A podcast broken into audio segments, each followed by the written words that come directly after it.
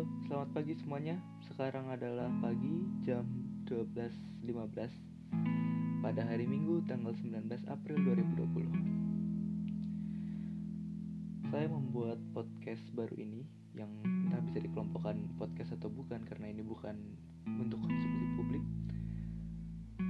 sebagai uh, manifestasi dan kapsul waktu dari buah pemikiran saya di saat masih berumur 15 tahun akan saya dengarkan kembali di masa saya besar nanti, di masa tua nanti dan mungkin bisa dipakai sebagai perbandingan antara pemikiran saya yang sekarang dengan pemikiran saya nantinya.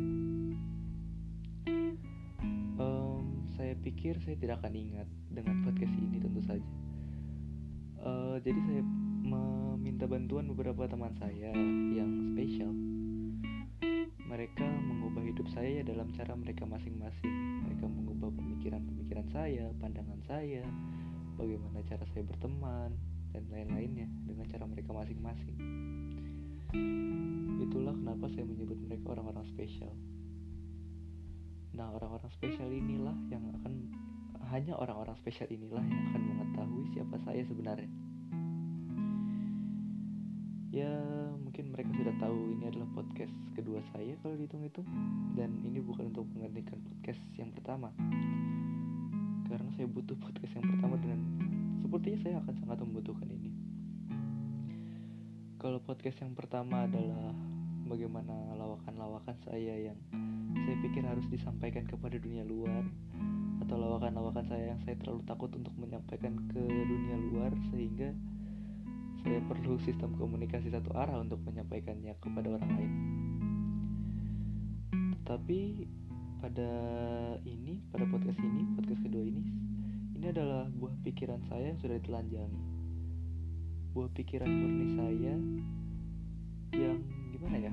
Buah pikiran murni saya yang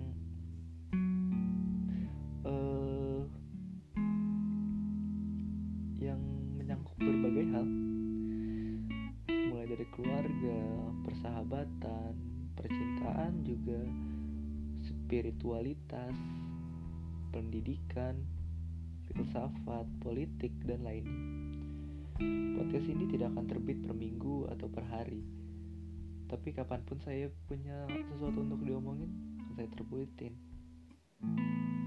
Jadi ya gimana ya? Mungkin agak awkward saya ngomong sendirian di sini biasanya berdua.